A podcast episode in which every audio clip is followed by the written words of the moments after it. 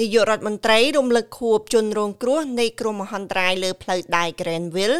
ក្នុងឆ្នាំ1977នាយករដ្ឋមន្ត្រីបានចូលរួមជាមួយនឹងអ្នករស់រានមានជីវិតក្រុមគ្រួសារនិងអ្នកផ្ដួចផ្ដើមរៀបចំកម្មវិធីដើម្បីប្រារព្ធខួបលើកទី46នៃគ្រោះមហន្តរាយផ្លូវដែក Grenville ពិធីរំលឹកវិញ្ញាណក្ខន្ធបានលើកឡើងអំពីអបតវហេតុផ្លូវរថភ្លើងដែលសម្លាប់មនុស្សច្រើនបំផុតក្នុងប្រទេសអូស្ត្រាលី ហើយបាននាំមកនូវភាពសោកសង្រេងយ៉ាងអណោចអាធមសម្រាប់សាច់ញាតិនិងអ្នករៀបចំកម្មវិធីនាយករដ្ឋមន្ត្រី Albanese បានគោរពវិញ្ញាណក្ខន្ធនៅក្នុងខួបលើកទី46នៃគ្រោះមហន្តរាយផ្លូវដែក Greenville កាលពី46ឆ្នាំមុនមនុស្សចំនួន84នាក់បានបាត់បង់ជីវិតនិងមនុស្សជាង200នាក់បានរងរបួសបន្ទាប់ពីរថភ្លើងធ្វើដំណើរពីភ្នំក្នុងរដ្ឋ Victoria នៅតំបន់ Blue Mountain បានធ្លាក់ពីលើផ្លូវ វាបានបំផ្លាញស្ពាន Ball Street នៅជិតស្ថានីយ៍ Granville ដែលនៅភាគខាងលិចទីក្រុង Sydney នៅថ្ងៃទី18ខែមករាឆ្នាំ1977នាយករដ្ឋមន្ត្រី Albanese និយាយថាចិត្តកន្លះទសវត្សរ៍មកហើយជនរងគ្រោះនៅតែស្ថិតនៅក្នុងការចងចាំរបស់ប្រទេសអូស្ត្រាលីសម្រាប់អ្នកធ្វើដំណើរលើរថភ្លើងលេខ108 នៅព្រឹកថ្ងៃទី18ខែមករាឆ្នាំ1977វាគឺពិតជាថ្ងៃមួយទៀតដែលខុសប្រក្រតីអ្វីអ្វីស្អាតតាមធម្មតាព្រឹកនោះពួកគេបានដើរចេញពីទ្វារខាងមុខសឹងតែមិនបានគិតផងថាតើពួកគេនឹងបានត្រឡប់មកវិញទេនៅល្ងាចនោះពួកគេពិតជាមិនបានត្រឡប់មកវិញមែនពួកគេបានប្រមូលផ្ដុំគ្នានៅចិត្តកន្លែងដែលយើងឈរឥឡូវនេះនោះគឺជាពេលវេលាតែមួយ នៅពេលនេះបើគេបញ្ឈប់នេលការមិនឲ្យដើរ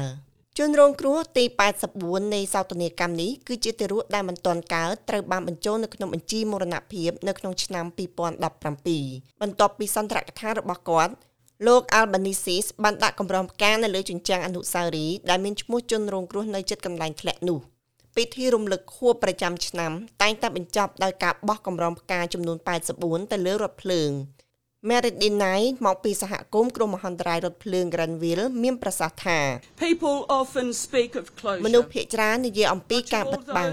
ប៉ុន្តែចំពោះអ្នកដែលបានបាត់បង់ជីវិតមនុស្សជាទីស្រឡាញ់របស់ពួកគេ ជាពិសេសនៅក្នុងកលៈទេសៈដ៏សោកសៅវាពិតជាគ្មានការបិទបាំងនោះទេ Barikop គឺជាគ្រូពេទ្យដែលបានចូលនិវត្តន៍ម្នាក់ដែលជាអ្នកឆ្លើយតបដំបូងគេចំពោះកន្លែងកើតហេតុនៃសោកនាកម្ម I was the only person to arrive at that scene because ខ្ញុំគឺជាមនុស្សតែម្នាក់ដែលបានទៅដល់កន្លែងកាត់ហេតុព្រោះវាត្រូវបានគេជឿថាមិនមែនជាការពិតដូច្នេះពួកគេមិនបានបញ្ជូននរណាម្នាក់ទៀតឡើយរហូតខ្ញុំទទួលបានថាវាមិនមែនជាពាក្យចចាមអារាមទេសូមរួមគ្នាគោរពវិញ្ញាណក្ខន្ធដែលបានបាត់បង់ជីវិតនៅក្នុងគ្រោះមហន្តរាយដែលគួរតែអាចការពារបាននៅក្នុងឆ្នាំ1977សម្រាប់សាច់ញាតិនៅតែសោកសៅរហូតដល់សពថ្ងៃនេះថ្ងៃនេះ កម្រងផ្កាត្រូវបានដាក់ដោយនាយករដ្ឋមន្ត្រីនិងអិសរាជជនផ្សេងទៀតនៅឯកន្លែងរៀបចំពិធីដែលមានការចូលរួមដោយអ្នករស់រានមានជីវិតអ្នកឆ្លើយតបដំបូងនិងអ្នកដែលរងផលប៉ះពាល់វិជ្ជបណ្ឌិត Scotty McAnally បានថែទាំអ្នកធ្វើដំណើរម្នាក់ក្នុងចំណោមអ្នកធ្វើដំណើរផ្សេងទៀត អស់រយៈពេល15ម៉ោងមុនពេលដែលពួកគេបានស្លាប់នៅមន្ទីរពេទ្យ But I still go to the cemetery ខ្ញុំនៅតែ I've ទៅ been ទី doing បញ្ចុះ for សព46 years ដើម្បីទៅសួរ before I សុខ on the ទុក្ខ grave និងធ្វើការគោរព come away again ខ្ញុំបានធ្វើវា I've រ been យៈ doing it ពេល for 46 46ឆ្នាំមក years. I'll keep ហើយ on doing it. ដោយការដាក់ផ្កានៅលើភ្នូហើយខ្ញុំនឹងបន្តធ្វើវាទៀតគាត់និយាយថាគាត់មិនអាចជិះរថភ្លើងតាំងតែពីថ្ងៃនោះមក Well, I haven't been on the train for 46 years ខ្ញុំមិន I don't បាន go ជិះ on រថ train. ភ្លើងរយៈពេល46ឆ្នាំហើយ ខ្ញុំមិនជិះរថភ្លើងទេខ្ញុំនៅឆ្ងាយពីពួកវាមិនមែនដោយសារតែរឿងនោះទេប៉ុន្តែដោយសារតែខ្ញុំមិនត្រូវជិះរថភ្លើងវាគ្រាន់តែជាផ្លូវមួយដែលខ្ញុំជ្រើសរើសធ្វើបែបនេះខ្ញុំមកទីនេះខ្ញុំគ្រាន់តែចង់ឃើញរថភ្លើងសង្គ្រោះបន្ទាន់ហើយនោះជាអ្វីដែលខ្ញុំបានឃើញការស៊ើបអង្កេតបានរកឃើញថាមូលហេតុនៃការធ្លាក់ពីផ្លូវគឺដោយសារតែការថែទាំផ្លូវមិនបានល្អបន្ទាប់មករដ្ឋមន្ត្រី Gladbury Chiclair បានចេញលិខិតសំទោសដល់អ្នករស់រានមានជីវិត បុគ្គលិកសង្គ្រោះបន្ទាន់